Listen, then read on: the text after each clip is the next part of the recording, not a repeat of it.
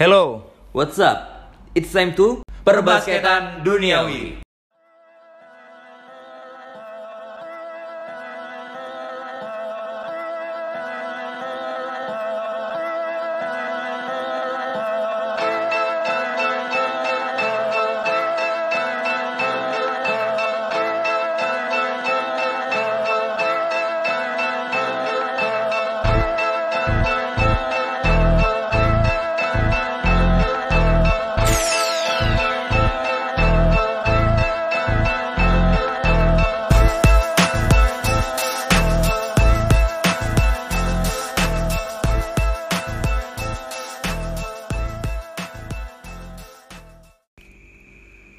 Assalamualaikum warahmatullahi wabarakatuh. Selamat pagi, siang, sore, dan malam buat para pendengar. Kembali lagi bersama saya Ali Akbar di podcast Perbasketan Duniawi. Eh, Di podcast pada hari ini Saya akan membicarakan tentang eh, starting five. Eh, terbaik menurut perbasketan duniawi. Nah, di sini saya sedang sendiri ya, eh, tidak berdua. Biasanya saya kan berdua itu bersama Bapak Gilang, tetapi karena memang ada hambatan sehingga beliau tidak bisa ikut untuk podcast bareng gitu. Ya, tapi nggak apa-apa lah. Bisa juga kita podcast sendiri kan. Eh, beliau juga sudah koordinasi sama saya untuk apa sih yang bakal kita omongin di sana. Oke. Dari starting five ini eh, NBA udah berjalan puluhan tahun dan juga banyak pemain-pemain hebat yang hadir di sana mengisi tontonan kita sebagai penggemar basket begitu. Dari masa keemasannya Bill Russell, Wilt Chamberlain dan sampai sekarang LeBron James dan juga mungkin Giannis ya. Banyak sekali pemain-pemain bintang yang bisa disebut ya banyak dari para penggemar menyebut mereka itu kaliber-kaliber GOAT lah greatest of all time tapi di sini bakal kita paparin starting five eh, dari pemain-pemain terbaik versi perbasketan duniawi nah, akan saya bacakan starting five dari versi Bapak Gilang dimulai dari point guard yaitu Jason William si White Chocolate Nah, di sini bisa dibilang pemain ini termasuk pemain yang sangat unik. Cukup unik, sangat unik lah. Karena dari badan yang agak kecil dan juga cara bermainnya itu sangat luar biasa pada masa era-era tahun 90-an sampai 2000-an di mana dia mempunyai handle yang sangat bagus terus dengan uh, signature move-nya yaitu passing-passing no look-nya itu. Flashy flashy ya gila lah. Dan juga uh, Jason Williams juga pernah menjuarai NBA pada tahun 2006 pada saat ada Dwayne Wade sudah pasti dan juga Shaquille O'Neal di sana seperti itu. Oke, lanjut kita ke shooting guard posisi 2 dari Pak Gilang. Uh, posisi 2 ini diisi oleh Kobe Bryant, The Lakers. Kobe Bryant yang pada awal-awal karirnya agak sedikit kurang meyakinkan tapi selanjutnya sangat-sangat luar biasa. Dia telah mem- menjuarai 5 juara NBA, tripit bersama Shaquille O'Neal dan back to back bersama tandemnya Paul Gasol. Nah, bisa kita lihat uh, Kobe Bryant ini bermain sangat-sangat bisa dibilang pondasi tim yang awalnya Lakers itu udah kayak bisa dibilang uh, hilang tumpuan karena uh, pada saat era-era tahun 90-an itu yang menggila pada saat itu kan memang Chicago Bulls. Dan Chicago Bulls memang nggak ada obat. Tapi setelah 98 para bintangnya keluar. Nah di sana Lakers mulai nge-build up timnya dan dimulai dengan uh, memasukkan Shaquille O'Neal ke dalam timnya dan juga digaji dengan gaji yang paling gede pada saat itu. Yang termasuk gila-gilaan sih pada saat itu dan bisa dibilang juga Kobe Bryant ini salah satu pemain yang sangat menginfluence para penggemar di Indonesia khususnya pada tahun 2000-an ya para penggemar menggila lah pada tak ta tahu Kobe Bryant itu. Oke selanjutnya di posisi 3 di small forward itu ada Michael Jordan. Ya sama-sama bila bisa dibilang the goat lah selain Kobe itu. Kan itu tuh perdebatannya tuh. Michael Jordan, Kobe Bryant, LeBron James itu tiga orang yang selalu disebut-sebut sebagai the goatnya NBA. Nah Michael Jordan sudah tidak bisa kita sebutkan lagi ya, tidak perlu alasan lah buat masukin dia ke starting five. Tapi di sini agak unik, kenapa bisa masuk ke small forward? Kenapa tidak di shooting guard? Karena posisi aslinya yang memang bisa dimainkan itu memang shooting guard tapi kayaknya pendapat dari Bapak Gilang sendiri lebih bijak untuk memasukkan dua pemain berkali bergot dalam satu tim. Iya, iya, iya. Oke, tiga sudah. Nomor empat, yaitu di posisi power forward. Nah, di sini agak unik. Karena beliau memasukkan nama yang mungkin nggak terlalu kepikiran oleh para pendengar dari perbasketan duniawi, yaitu Blake Griffin. Pemain yang bisa dibilang sangat-sangat uh, eksplosif pada saat dia di draft pada tahun 2009 dan dang-dangnya itu memang luar biasa pada saat masih di Clippers di Pistons juga bagus memang dangnya. Tapi mungkin saya lihat juga kita lihat cara bermain itu agak dirubah dengan cara mengikuti uh, era NBA zaman sekarang itu lebih menggunakan three point sebagai senjata utama. Tapi ya pada saat dulu di LA Clippers khususnya masa-masa kejayaan uh, eh, LA Clippers Rob City di mana ada di sana ada Chris Paul habis itu JJ Redick DeAndre Jordan Jamal Crawford terus sama juga Blake Griffin. Di sana itu harusnya tim itu sih seharusnya itu paling enggak minimal dapat satu cincin lah. Atau paling enggak masuk ke NBA final. Ya paling minim itu final wilayah lah ya tapi entah kenapa itu salah satu tim yang uh, komposisi pemainnya memang oke okay, tapi sial di sana. Karena beberapa kali masuk ke playoff banyak pemain yang cedera. Chris Paul lah paling sering itu ya tapi kita lewatkan lah. Jangan kita bahas lagi ya, karena udah berlalu silakan biarkan berlalu. Terus selanjutnya ada di posisi 5 di center. Di sini Bapak Gilang menyebutkan salah satu pemain favorit saya dan juga sebagai preview dia juga masuk ke uh, center di punyanya saya. Ini kan versinya Bapak Gilang ya. Di punyanya saya juga beliau beliau lagi orang ini juga masuk yaitu Shaquille O'Neal. The Diesel. Sal pemain yang paling dominan pada saat memegang bola itu ya kita rasa dia ini siapa sih yang bisa ngentiin orang tujuh kaki larinya kenceng kayak bis dan kerjanya cuma ngedang. Cuma ngedang. Poinnya juga tinggi total poinnya di NBA itu sangat tinggi. Untuk pemain yang cuma bisa dua poin. Three poinnya itu tercatat cuma berhasil melakukan satu kali three point. Dan itu juga saya belum pernah lihat itu. Three itu kapan gitu? Satu kali three point itu kapan? Saya belum pernah lihat. Dan itu salah satu hal yang luar biasa untuk orang yang memang bisa cuma bisa dua poin. Dan juga pernah saya lihat itu dari uh, heat mapnya cetak poinnya dari Shaq di uh, area paint itu merah merah banget dan di area uh, mid range agak kurang apalagi di tree gitu kan. Gila sih dominan banget itu orang. Oke kita lewatkan kita lalu ke starting five saya Ali. Oke nah di sini saya akan masuk ke point guard ya mungkin ini point guard yang ya bisa dibilang pemain yang overall lah.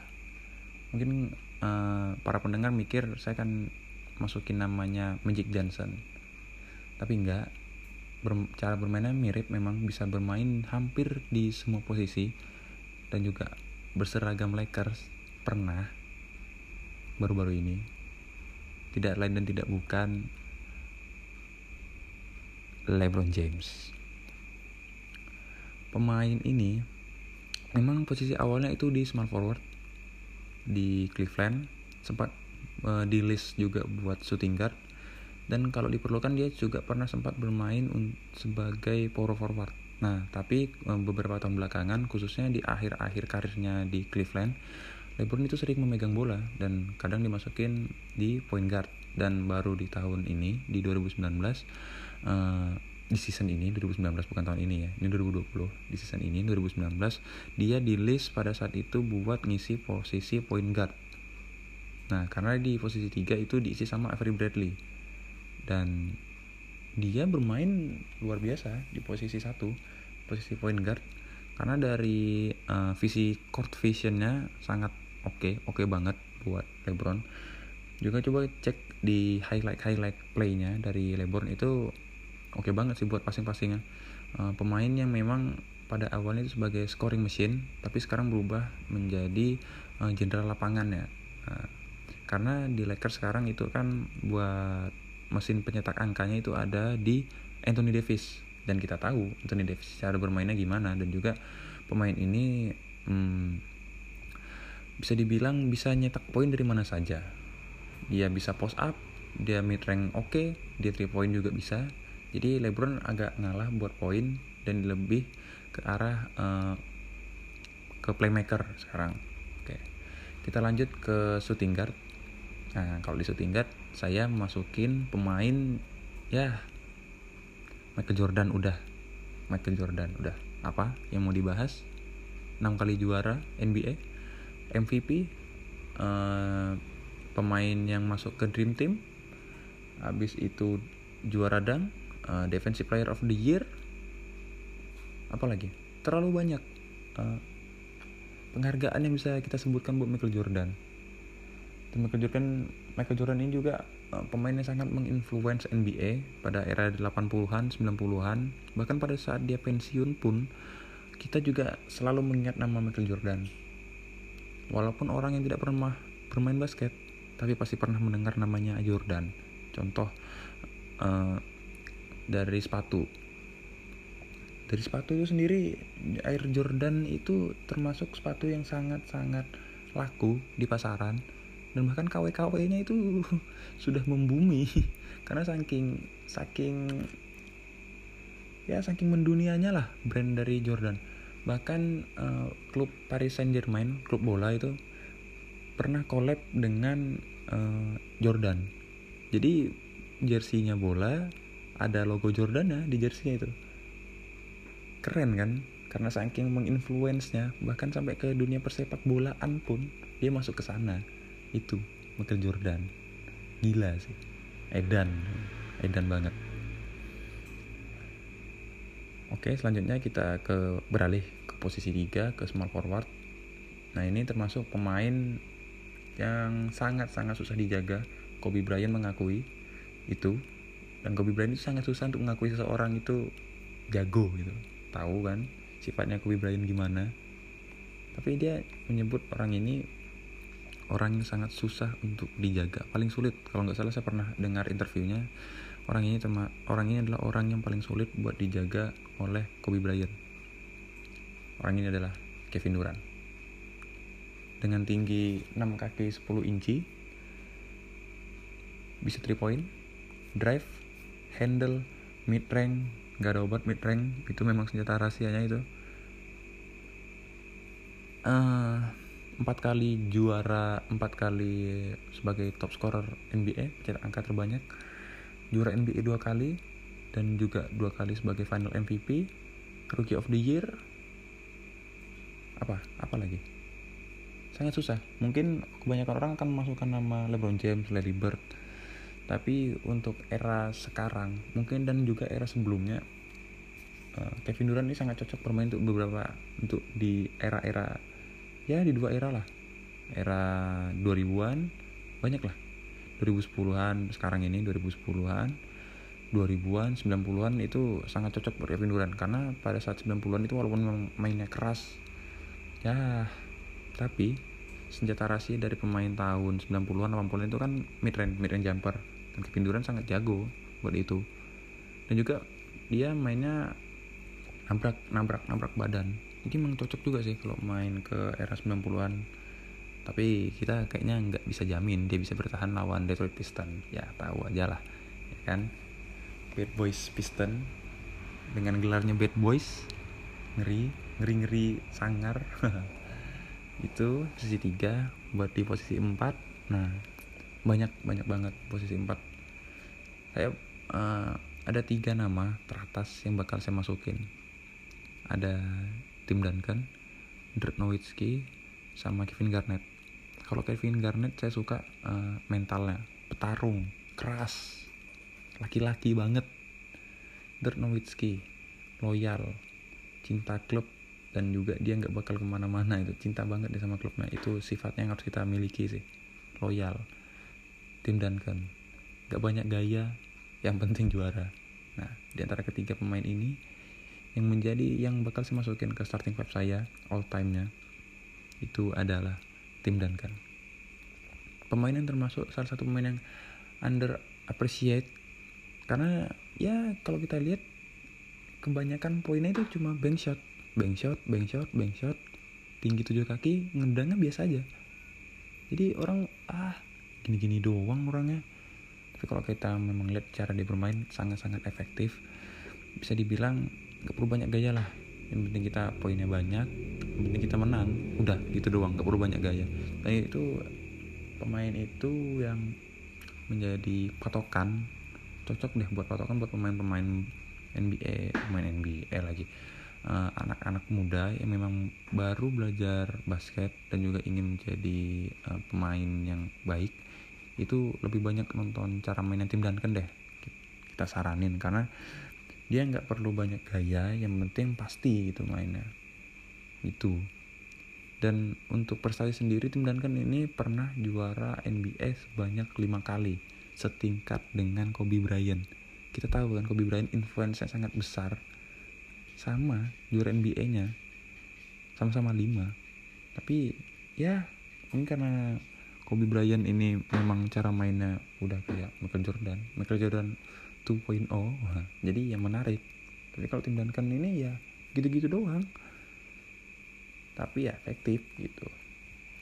Nah oke. Okay. posisi 5 center. Udah saya sebutin tadi Shaquille O'Neal Diesel. Ya siapa sih yang bisa ngintiin Diesel? Kecuali Ben Wallace pada tahun 2004 ya sebelum dia pindah ke Miami Heat pada saat itu tapi ya memang pada saat itu memang Lakers memang dalam masalah sih. Karena Kobe juga ingin peran yang besar dan Shaq juga memang perannya udah besar di sana. Jadi ya ada masalah internal lah. Mungkin karena itu. Jadi Shaq pindah dan agak agak sedikit menurun lah. Dan Shaq ini juga sebagai info satu-satunya pemain yang memiliki rating 99 di game 2K itu saya lupa itu antara 2K 2005 2004 atau 2006 Shaq satu-satunya orang yang ratingnya 99 dan dia center dan pemain Michael Jordan, Kobe Bryant, LeBron James tidak pernah mendapatkan rating sebesar itu. Gila ya? Gila, gila, gila, gila. LeBron James, pemain yang paling sering mendapat rating 90-an plus ke atas, itu nggak pernah dapat. Walaupun dia pernah MVP sebanyak empat kali, LeBron James nggak pernah, nggak pernah dapat. Kecuali Shaq. Memang edan sih, edan, edan, edan, edan. Nah, mungkin kita akan review, kita review, kita review ulang siapa aja tadi dari point guard dari bapak Gilang tadi ada si White Chocolate J Will Jason William dan di saya ada LeBron James kemudian di shooting guard dari bapak Gilang ada Kobe Bryant dari saya ada Michael Jordan di small forward ada Michael Jordan dari bapak Gilang dan saya ada Kevin Durant. Di posisi 4 ada Black Griffin power forward di Bapak Gilang. Dan saya ada tim Duncan. Di center ada Shaquille O'Neal dan Shaquille O'Neal dari kami berdua. Nah itu buat para pendengar siapa deh yang bakal menang kalau memang diketemuin tim saya apa tim Bapak Gilang?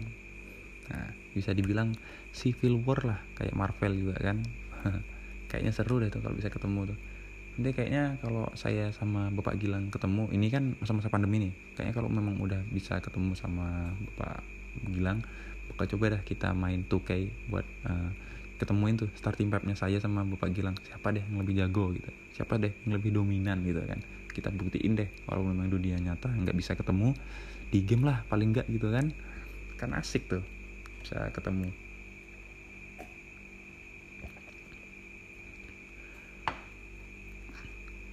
Oh ya, ini ngomong-ngomong juga buat para pendengar, saya kami ingatkan lagi dari perbasketan duniawi pada masa pandemi ini, jangan keluar rumah dulu deh, jangan ke mana-mana dulu deh, di rumah aja, cuci tangan, jangan lupa pakai masker, jangan lupa jaga jarak juga jangan lupa, kita ingatin, ya supaya kita bisa memutus rantai penyebaran covid ini. Kan kita juga kangen tuh buat main basket bareng sama teman-teman gitu kan kan seru. Kapan lagi sih? Saya juga uh, anak muda ini yang nahan-nahan buat keluar-keluar rumah. Walaupun banyak teman-teman tongkrongan yang lain memang ya bisa dibilang gak edan sih memang keluar-keluar rumah gitu. Tapi ya tahan-tahan lah gitu. Agar uh, rantai penyebaran covid ini bisa berhenti kita putus bersama-sama. Kita berdoa lah supaya covid ini segera berhenti dan juga ada ditemukan vaksinnya gitu jadi ya aman lah kita oke deh kayaknya cukup sampai sini aja uh, siaran dari perbasketan duniawi yang membahas tentang starting five dari saya dan juga Bapak Gilang yang saya wakilkan, saya bacakan. Nah, sampai sini aja. Mohon maaf juga kalau ada kesalahan.